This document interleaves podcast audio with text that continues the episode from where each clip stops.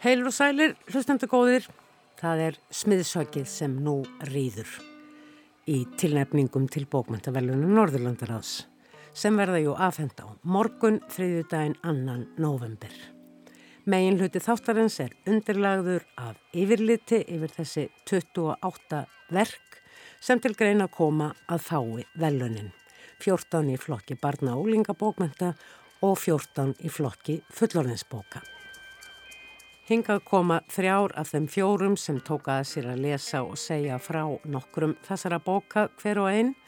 Halla Þórleg Óskarsdóttir gæt ekki verið með okkur hér í dag en þær verða hér Dagni Kristjánsdóttir, Marta Guðrún Jóhannesdóttir og Sunna Dís Másdóttir. Meira um það síðar. Því áður en að því kemur ætlar Tómas Ævar Ólafsson að taka saman ímislegt efni um bækurnar fjórar sem Íslandingar tilnefna.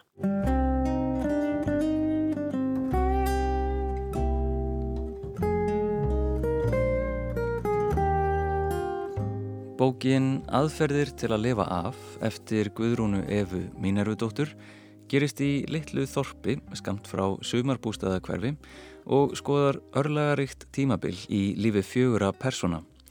Þau eru hinn 11 ára gamli Aron Snær sem býr við erfiðar aðstæður og er vannræktur af móður sinni, ekkjan og ferða þjónustu bondin Borkildur, úlingstúlkan Hanna sem glýmir við ádröskun og síðan vefsíðu hönnuðurinn Árni sem er nýfluttur á svæðið og er að koma sér þar fyrir. Öll fá þau sína eigin rött í bókinni Kaplar sögunar hoppa á milli fyrstu personu frásagna hvers og eins en hverfast jafnframt um Aron Snæ, strákin sem flettar örlög personana saman.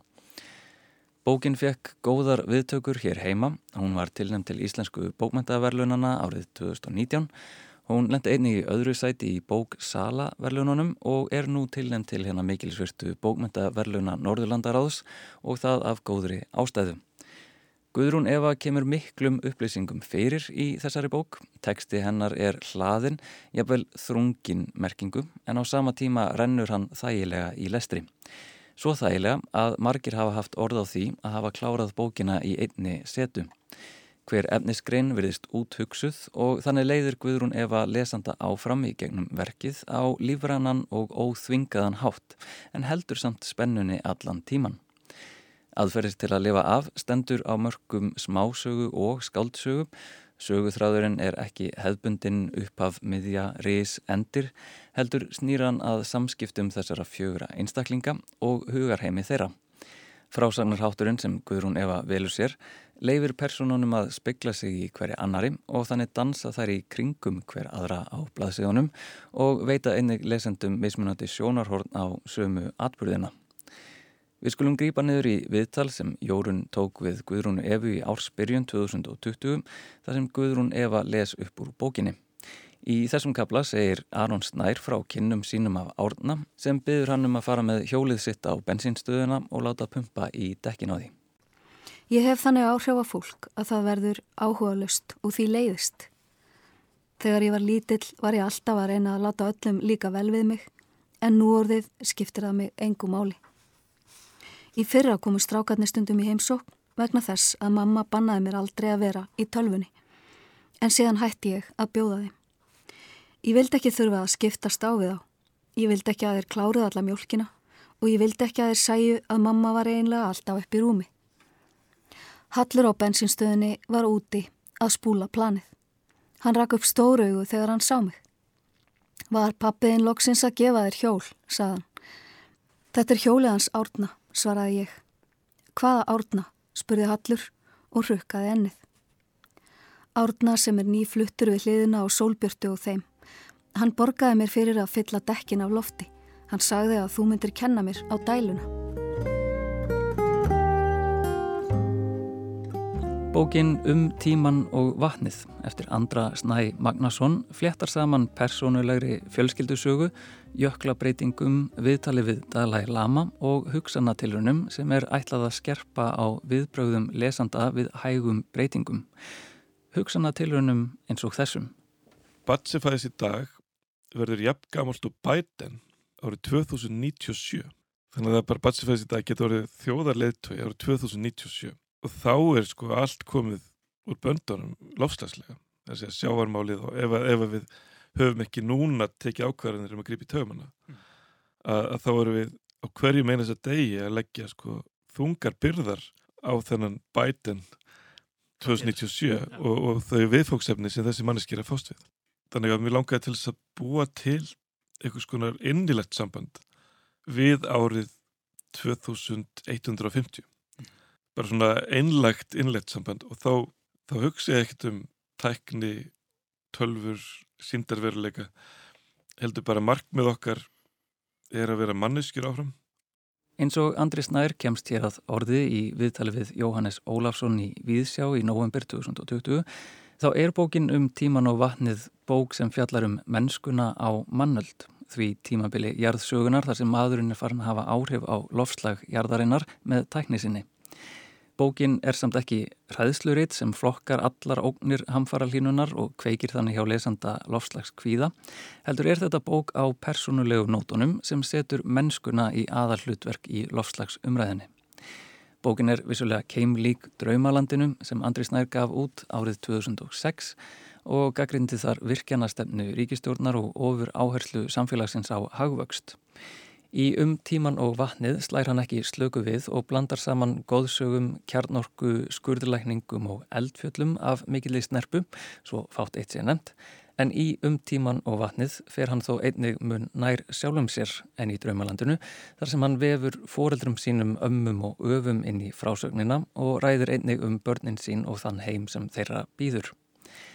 Þessi margslungna fletta sem Andri teflir fram í bókinni kemur heim og saman í lokennar þar sem tekstin verður nokkuð skaldlegri enn í fyrir hlutanum. Andri Snær teflir saman mengun eldgosa og þeim ótal vélum sem við knýjum áfram með jarðefna eldsneiti. Hamfara hlínun verður áþreifanleg en samt endar höfundur á voninni.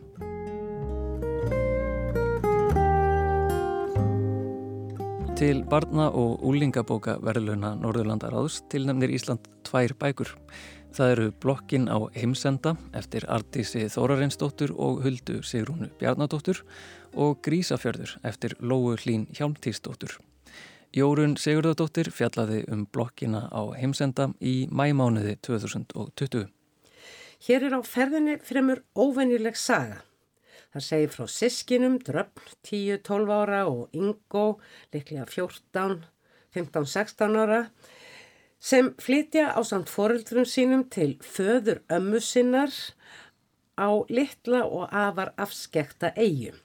Þar sem fadurinn reyndar ólst upp en hafði yfirgefið mjög ungur og aldrei aftur snúið. Á þessari eigu skýn vissulega sól á sömurinn en Vítisveður geisa oft á vetrum. Fjölskyldan kemur til eigarinnar með höstferjunu en á veturna er ekki siltangað.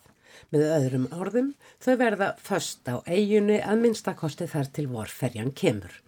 Og kannski var það frá upphafi áætlun foreldrana þótt krakkarnir hafi ekki gert sér grein fyrir að þetta eftir að verða svona langt frí á þessum svo litið einkennilega stað.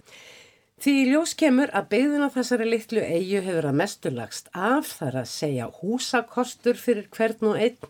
Nú búa allir íbúar eigarinnar, 197 tölu, saman í 12 hæða íbúðarblokk og takast sameinlega á við lífið, hvort heldur matargerð, heilsugæslu, ræktun, verslun eða dýrahald svo eitthvað sé nefnt af því sem nöðsynlegt er til að halda úti samfélagi manna og í sammenningu bera allir ábyrð á því að allt gangi upp. En það geta allir gert gagn með sínum hætti og það verða líka allir að gera. Lífið í blokkinni og þar með allir enni lítur þar af leiðir miklu regluverki. Verðingastegar meðal íbúðan eru niður njörfaður og ákvarðaður af þeim sem stjórnar öllu og kallaður er húsförður og er einmitt amma og lingana drafnar og ingóls. Þau drafn og yngo eigi fyrstu svolítið erfitt með að vera alltaf ánað með allt á eiginu enda hverskins vörur og afþreying af skortnum skamti. Skildustörfin þeimun fleiri og símasamband nánast ekkert. Þau aðlæðast þó smám saman en vissulega með sínum hætti. Grísafjörður eftir Lóu Hlín Hjálmtíðsdóttur er í hennar þryggja orða lýsingu í krakkakiljunni hlý, vinaleg og litrík bók. Grísafjörður er skaldsaga og myndabók sem segir frá tvíburunum Ingu og Baldri en í upphafi bókar eru þau nýkomin í sumafrí og ætla sér heldur betur að eigða sumrinu á sófanum, drekka kakómalt og horfa á teiknimendir. En þessar fyrirætlanir þeirra eru trublaðar af nágrana þeirra, Alberti, Hann er aldraður maður sem byrtist heima hjá þeim á fyrsta degi sumarfrís, grátandi vegna þess að sýstir hans er horfin. Sískinunum líst ekkert á hann í fyrstu en í gegnum verkið tengjastu húnum sterkum vinnaböndum. Albert telur út frá sæfara ævintýrum sýstur sinnar að hana sé líklegast að finna á grísafyrði en það er ein af Bahama-eigunum. Fjölskyldinni langar að hjálpa Alberti þannig að þau senda hann út í heim til Grísafjörðar en Albert er hins vegar ekkert sérlega ratvís og villist þó nokkuð á leiðinni og sendir hann sískinunum reglulega bref þar sem hann segir frá ferðum sínum. En þrátt fyrir þessi mögnuðu ævintýri Albert sem viða veröld þá setur Lóa Hlín hverstasleikan í aðallutverk í bókinni Grísafjörður. Tvíburarnir Inga og Baldur hrærast í reikvískum veruleika. Þau eru nokkuð ólík. Inga er kvatvís en Baldur er mun viðkvæmari. Mamma þeirra er undir miklu álægi í vinnunni en hefur samt ekki efna á að skrá krakkana á sumarnámskið eða fljúa fjölskyldunni út í sólina. Hún gefur þeim hins vegar nokkuð lausan taumin og lífga þau upp á hverstægin eins og þeim einum er lægið. Við skulum grýpa neður í viðtal við Lóullín Hjálmtíðsdóttur úr krakkakiljunni hjá Emmu Nardini Jónsdóttur þar sem Lóa Hlín les upp úr bókinni.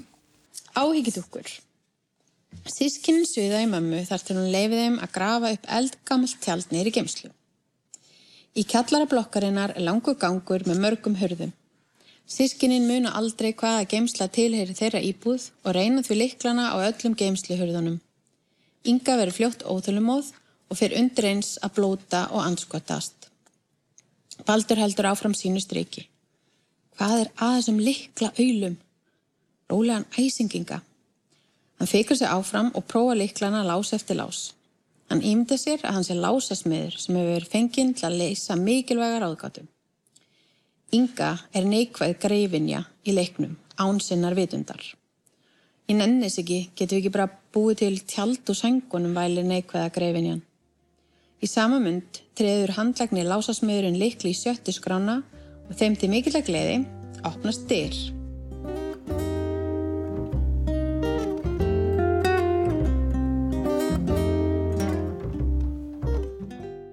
Það er sem sagt á morgun, annan november, að alheimur allur mun vita hverjir fá hinn diverse svo slett sé skandinavísku, verðlun sem Norðurlandar á veitir ár hvert.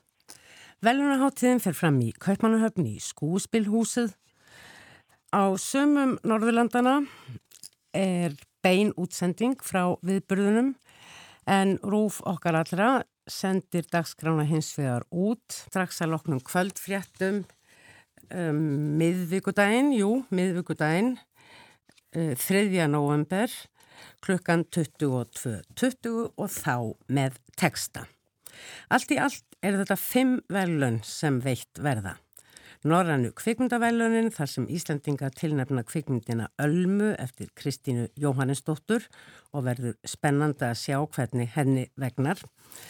Þá verða umhverfisvelunin veitt en þar tilnefna Íslandingar tækni löst sem hraðar kælingu matvæla og dregur þar með úr matasóun og eigur geimslutþól. Þetta er Tor Ice Chilling Solution. Ekki síður spennandi hvernig það endar allt saman.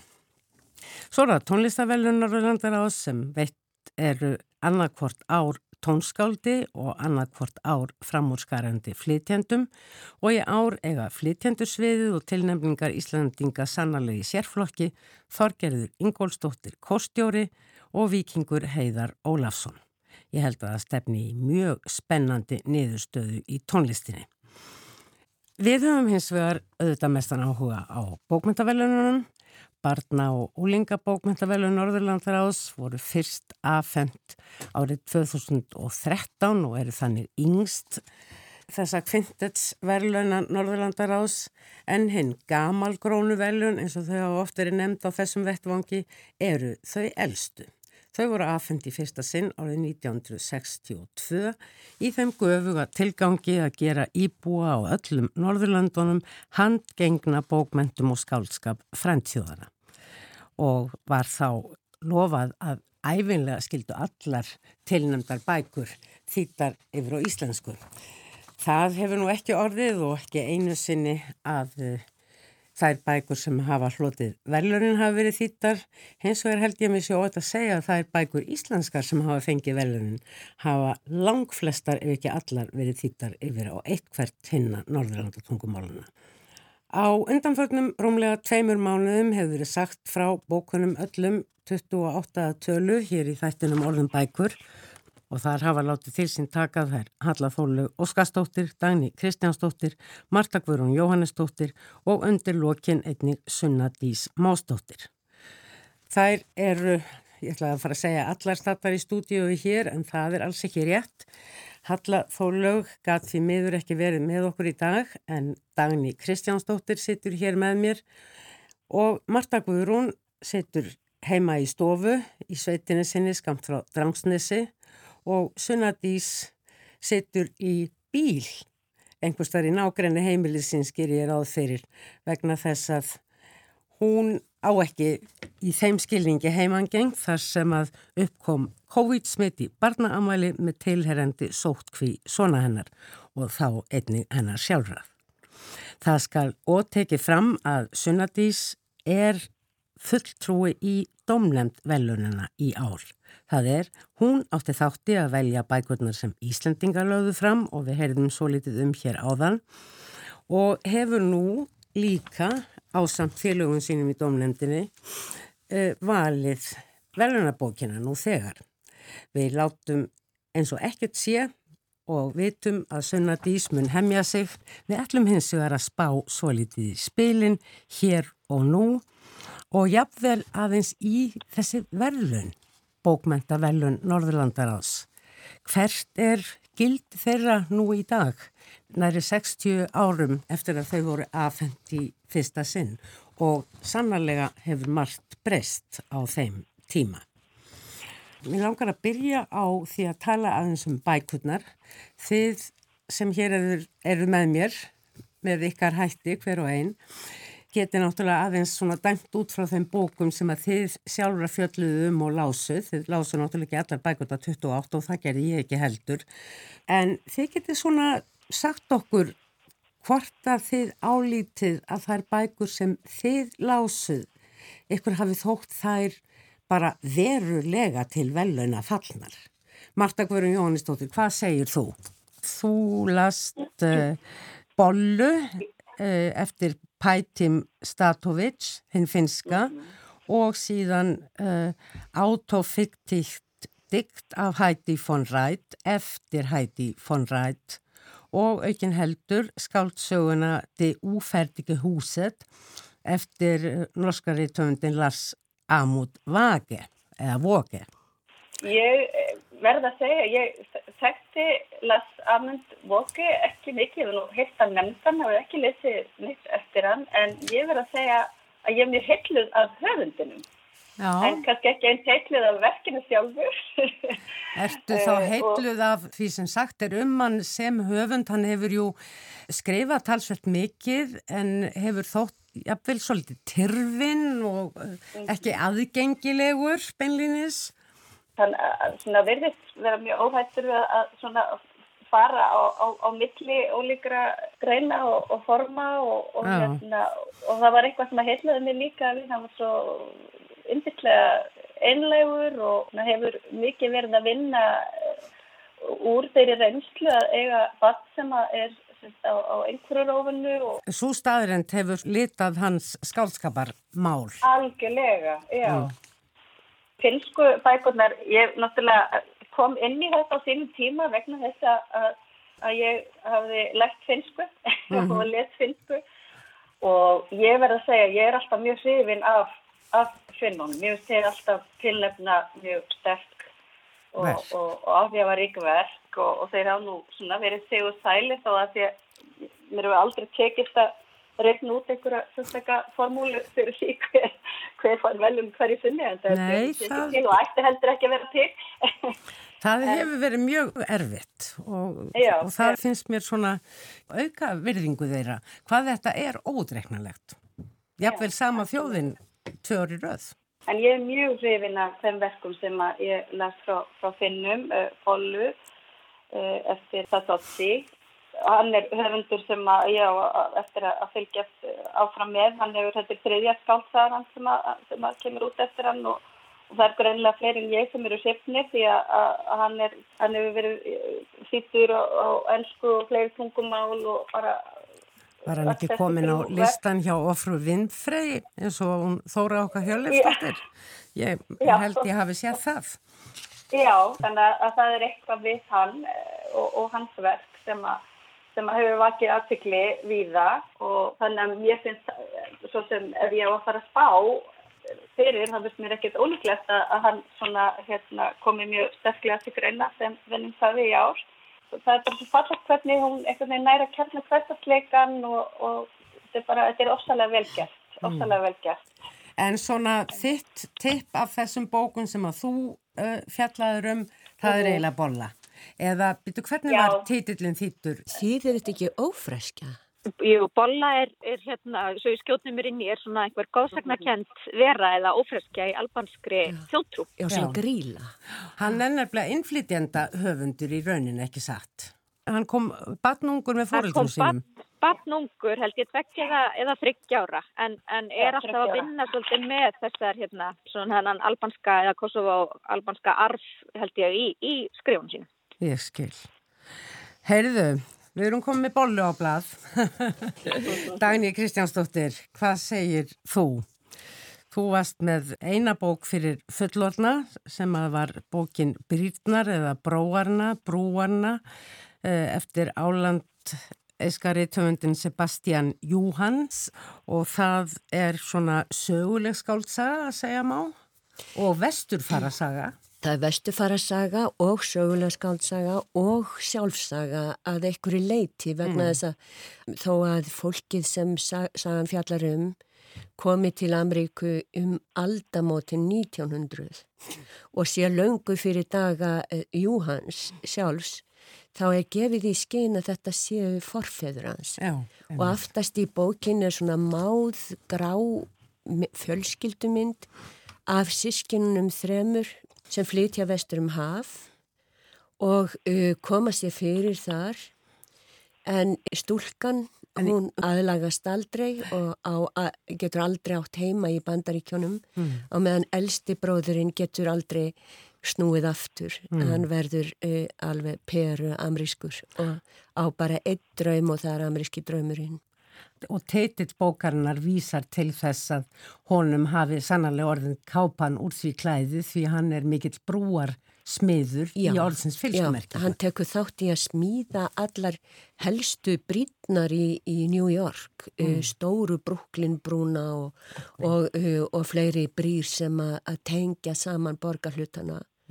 Þannig að hann er b- brúarsmiður í alvöru en ekki myndrænt vegna þess að honum tekst ekki að byggja brú á milli. Nei, byggja brú á milli sín og konu sinna til dæmis, hún fer frá honum og fer aftur tilbaka til Finnlands. Já.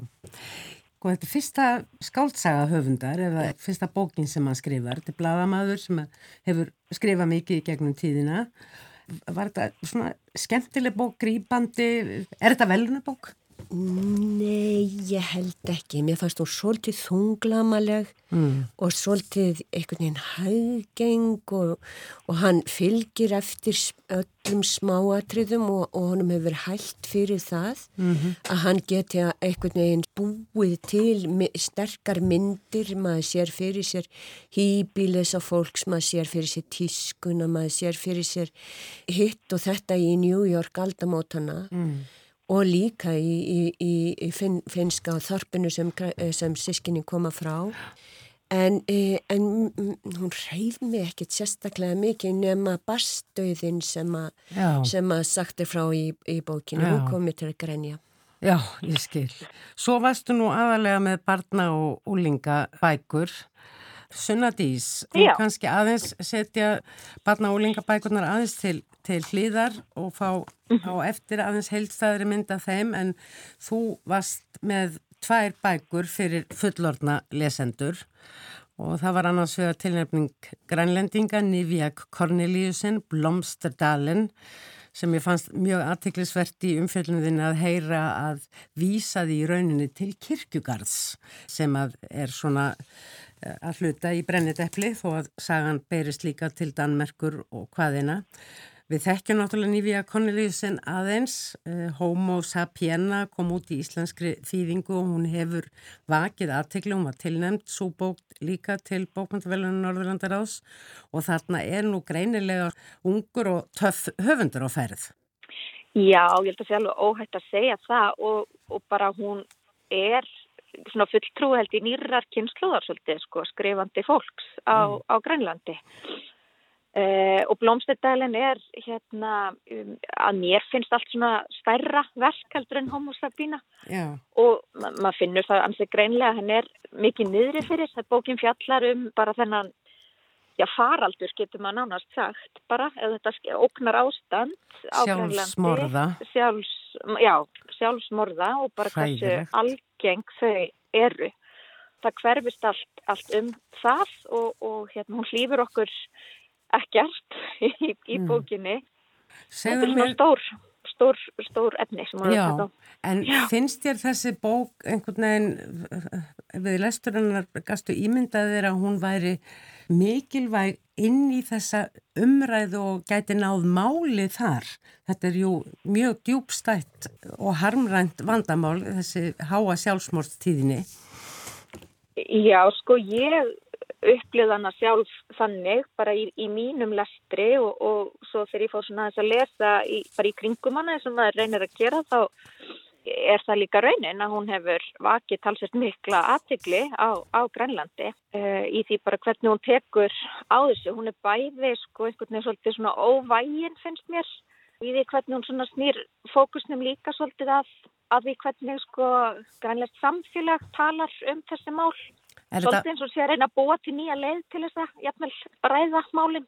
Mér fannst svona eins og þessi bók væri að opna manni kannski glukka inn í, inn í eitthvað samfélag sem það hefði ekki annars. Þetta er mm. flott tilnefning hjá grænlendingunum og gaman að gera þessa bók aðgengileg og væri fengur af því að fá hann að þýtta. Eins og fleiri. Já, vissulega, vissulega. Já.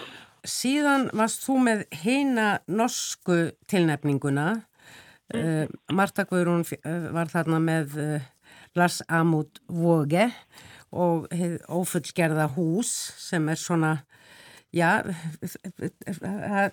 kemur við vestur fara einhverjir fara vestur ef ég mann rétt en mm -hmm. hann er heima og svo er, er, svo bók líka um skáldskapin um það hvernig, hvernig við, við verðum til í tungumálinu Já, algjörða. Það er kannski svona einna svona áhugaverðustu þráðunum í, í hérna ofullgerða húsinu eftir Lars Amund er að, er að hann skrifa þarna um tíma þegar að, þessi ný norska er að verða til eða er komin í nótkunn mm -hmm.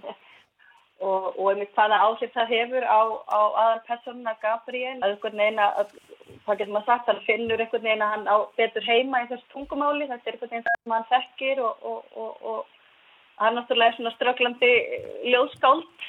Bóndasónur sem er að, reyna að finna sér bæði einhvern veginn í þessum nýja veruleika og, og, og í, í tungumálnu og, og maður náttúrulega á alltaf svolítið með að tala um, um lók bóka en þetta er komað svolítið á óvart og er svolítið kannski á skjön við, það, við aðrar uh, svipaðar sögur sko en, en hann alltaf byggir þetta á æði afasín sem var, uh, var viðtöndur og bóndi en einn svona ættarsagan, ættartengslasagan, það eru nokkra þarna. Algjörlega, en nein, já.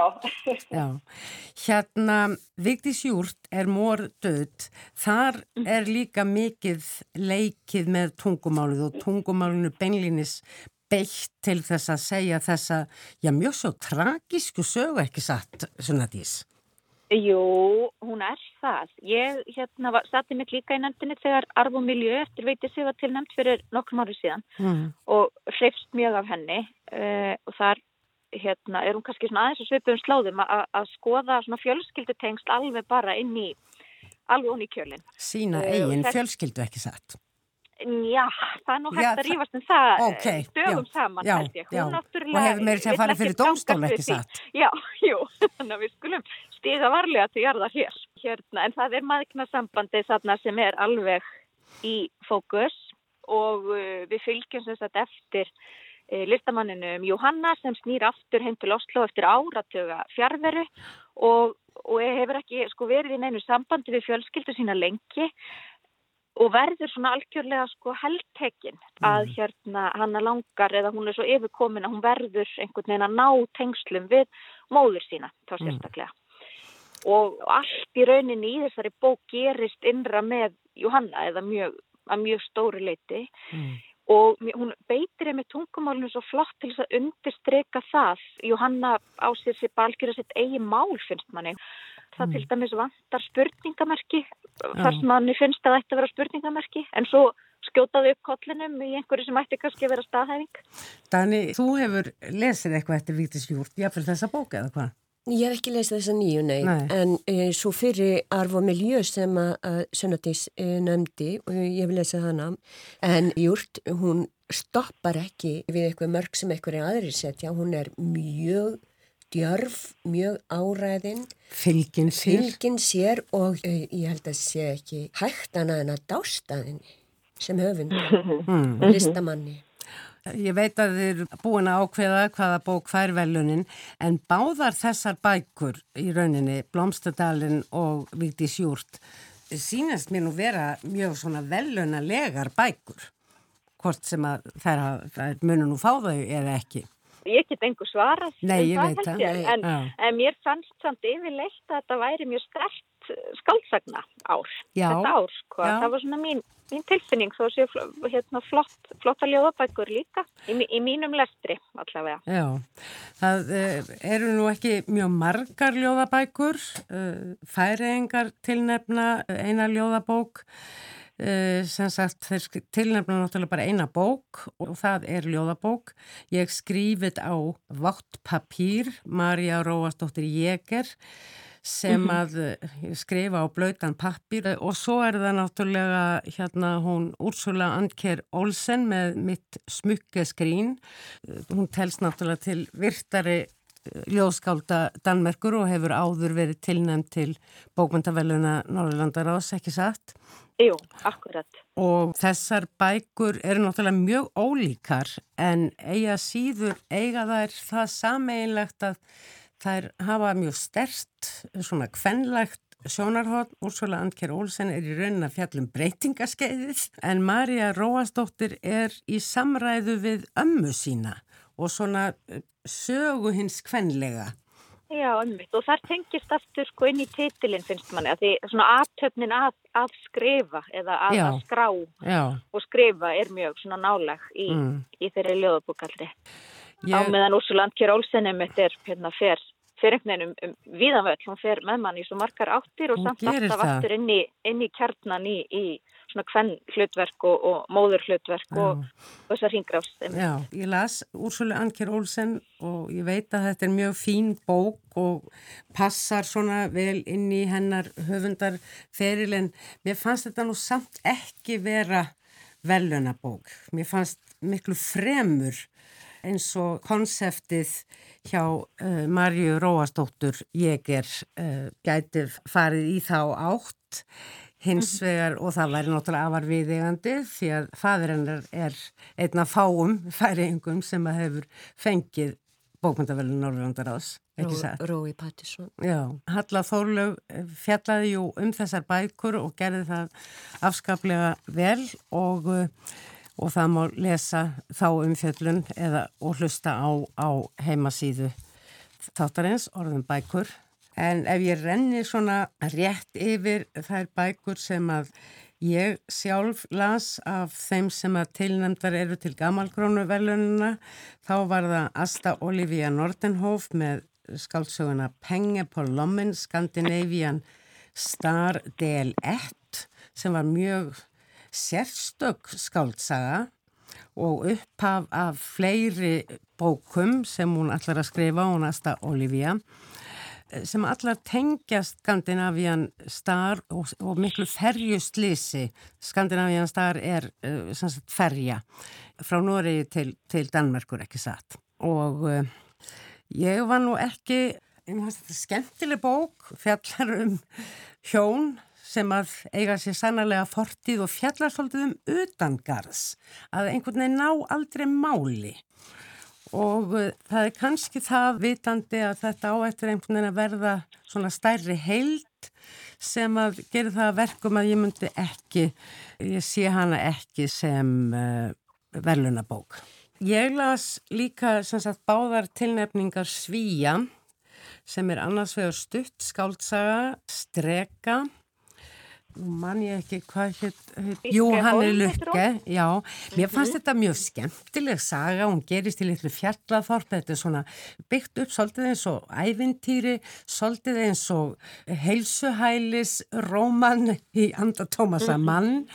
En svo er þetta náttúrulega líka bara mjög sterk bók um, hvað ég segja ofbeldi gagvart konum. Og mér fannst þetta aðtiklisverð tilraun hjá henni Lukke, Jóhanni Lukke en uh, samt sem áður held ég, nei, þetta er ekki velunabók. En mér fannst gaman að hún skildi vera tilnemd og, og, og svona dreyin fram. Og svo er það náttúrulega And Andrzej Ticci sem hefur nú, ég held að þetta sé í þriðja sinn sem hann er tilnemdur, Renheten og líkt og í e, bókinni sem við vorum að tala um á það sem að er svona fólk sem að aldrei nær máli, sem að nær aldrei að komast inn í að geta orðið ríkt eða málsmetandi mm -hmm. og hann, þetta er smásagnasapn hjá Ticci og fjallar um ymsar personur og þær eru allar svona á hamsturshjólinu komast hverki áfram, hvernig sem það reyna en ofta tíði mjög aðtiklisverða personur og hann er náttúrulega mistari tungumálsins.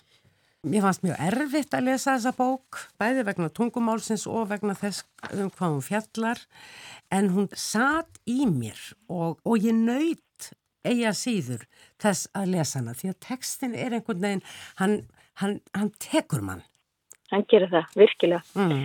Þó ég hafi reyndar ekki lesið bókina sem er tilhægt núna en var svo heppin að fjallum á sínum tíma Felt sem var tilhægt 2008 og, og Cairo sem var, var rétt 2013 og þetta eru bara uh, því allra magnasta sem ég hef lesið og sérstaklega Felt. Og sko að því þú sagðir Jóruna að hún hefði snertig í mér hefur bara sjaldan liðið eins illa. Já, eftir að hafa lesið eina bók og eftir að hafa lesið þess. Ég man bara ekki til að vera dregin svona miskunnulegst inn í texta. Ég tek undir og, þetta, algjörlega. Eh, þannig að hann er hann er magnaður og, og þess vegna verður ég að segja, ég held mikið með honum. Ég gerir það líka. Þó maður viti svo sem ekkert hvernig, hvernig það er. Nei, mm. akkurat. Heyrðu, við höfum allar uh, hérna barna og úlingabókmyndirnar eftir, það er annað eins, en þannig ég held að við verðum að sætt okkur við það að fara aðeins hraðar yfir sögu. Ef við bara tek þær sem að ég las, þá las ég er dönsku Ég var mjög hrifin af skáldsóðunni Vulkan sem er svona raunsægisleg úlingasaga en afar nútímaleg. Bara fantafín saga og líka kemur við sögu sagt, heimilisofbeldi og, og þetta er ofbáslega velgert. Mér finnst hún algjörlega gæti verið velunabók þessi skáldsaga Sækíu Æmi. Hins vegar eh, Den rústne verden eh, þrjú Úkrút eftir Adam Ó. Seti nú bara eiginlega til hliðar. Hún er bara þriðja bók í einhverju sériu sem að ég hafði ekki alveg forsendur til að njóta. Síðan uh, las ég einmitt uh, einnig nokkrar bækur fyrir yngstu lesendurna og það var til dæmis grænlenska bókin Æma hittir móður fjallsins og samíska málsvæði það er nú ekki fyrir alveg eins unga um farandi stjörnu.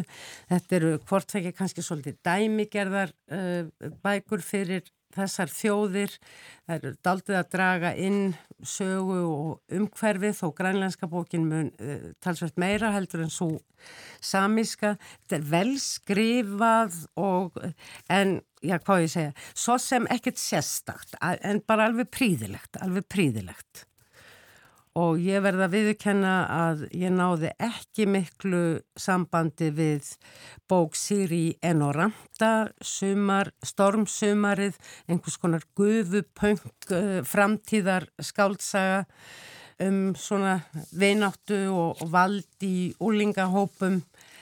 Mér fannst það ekki veluna, veluna bók, hins vegar fannst mér náttúrulega bókinannar Lindu Bótestammitt, Bottenlíf afinn uh, ensam axolott fannst mér náttúrulega dásamleg bæði teikningar og teksti um litlu axolottuna sem er einhvers konar uh, salamandra og, við lifum í gegnum hennar augu í rauninni áhrif lofslagsbreytinga. Þetta er fyrir allra yngstu lesendur eh, dásamlega myndir og indislegu teksti. Gæti alveg verið velunabók en það gætu líka einhver önnur verið.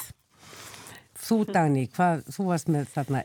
Já, ég var með uh, fjórar bækur og mér langaði fyrst bara til að tala um það svona almennt að það sem er áberandi við barna og unglingabækurnar er að minnstakosti helmingur á þessum bókum, ef ekki meira, er helgaður vistríni mm. og umhverfis sjónamiðum og eru bara verulega pólitískar og það er bara, e, það er bara mjög skemmtilegt sko. Já, og svo einflytjandum, það er líka daldið massíkt. Og hitt þeim að þeir eru einflytjandu. Bók Lindu Búndestam, hún er umhverfis uh, bók um hafið Algjörlega. og þetta er ásand með uh, bókinni Jag og, All, og Alla Já, eftir ég... Ylvi Karlsson eru er, er myndabækur. Já. Þetta er óvenjulega e, fáar myndabækur mm. sem eru laðið fram núna, óvenju alla... margar hérna skáldsögur. Já, og skáldsögur svona fyrir þroskaðri lesendur, skulle ég segja. Já, nákvæmlega fyrir unlinga og mm. sem eru starpaða krakka. Mm. Svo las ég e, færisku bókina sem, sem Rótskott e, eftir Marjun Sýterbú Kjellnes Það er skáltsaga sem að e, segja frá vinkonum, bestu vinkonum og það er alast upp saman í færiðum í, í þósöfn, önnur þeirra flyttu til, til Svíð, til Danmerkur með foreldrun sínum, kemur svo aftur sem úlingur og þá samanist það aftur. Mm. Og þær eru mjög pólitískar og ætla að bjarga heiminum, gera það bara í hverli, en það er... E, mæli gegn því að vinkonan verður döð veik. Hún er með e, ólagnandi sjúkdóm, arfgengan. Hún deyr í bókinni og, og bókinni er afskaplega grípandi og velskrifið og humoristisk hjá Marjón Sýtebú Kjálnes sem er mjög vaksandi höfundur.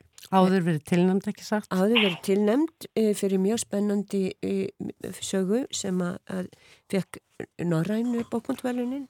Mhm. Mm svo uh, við skulum fylgjast með henni. Og svo er það Alexander Den Stúre sem ég, sem ég las líka fjallar um innflytjanda sem að, að hefur lendi í, í miklu vesenni í, í, í landinu þar sem hann kemur, sem hann kemur frá. Og við fáum raun og aldrei að vita hvaða land það er. En hann hefur lendar í ábeldis átökum við strauk sem leggur hann í einelti og stóslasaðan og hann er svo samanbítin og svo samanhertur það er engin leið inn í, inn í drengin. En svo egnast hann vinn sem verður svolítið háður honum og smám saman þá, þá byrjar hann að mýkjast og, og hérna og uh, ná vopnum sínum í Noregi. Mamma sé norsk og, og fjölskyldan uh, flýtur þá, uh, hún flýtur þangað með drengin mm. í vonum að hann nái vopnum sínum þar og hann gerir það.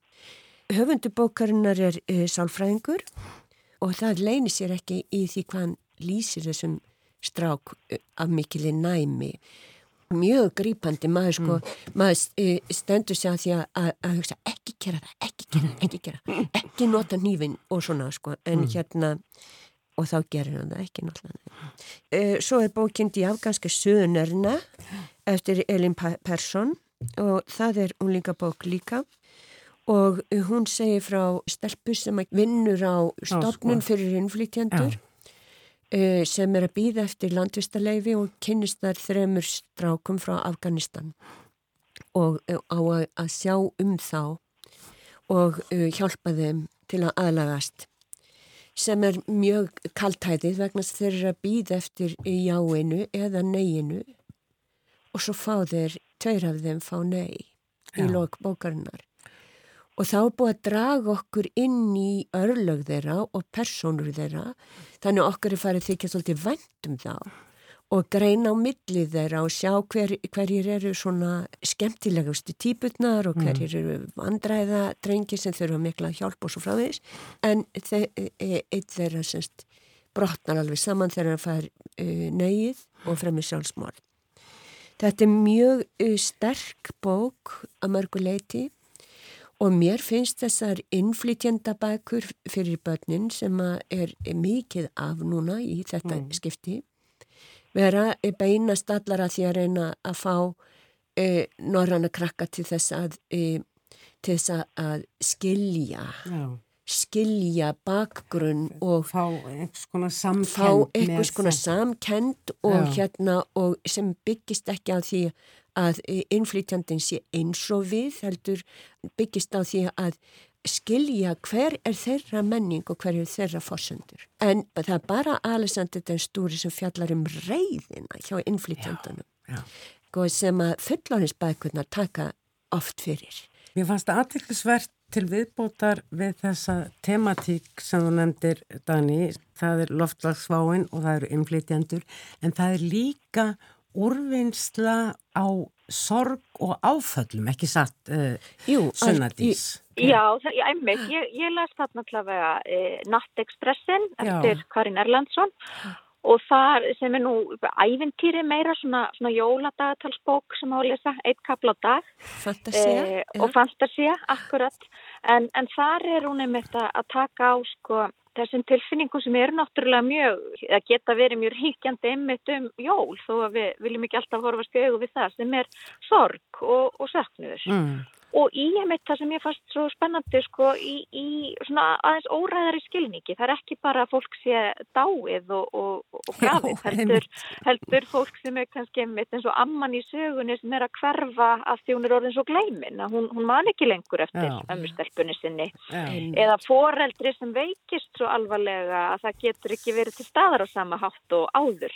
Það er kannski einfaldari söknuður að sínu leiti mín venn Piraten eh, eftir henn uh, norska Úli Kristján Launing já, já, og Ronny Haugeland sem gerir myndirnar í bókinni. Já. þar hefst bókin bara beinlinnins á stór eh, umferðarslýsi þar sem að aðal sögupersonan missir báða foreldra sína og lendir hjá föður bróður sínum í kjölfarið sem að er mín venn Píraten, vinnu minn sjóræningin.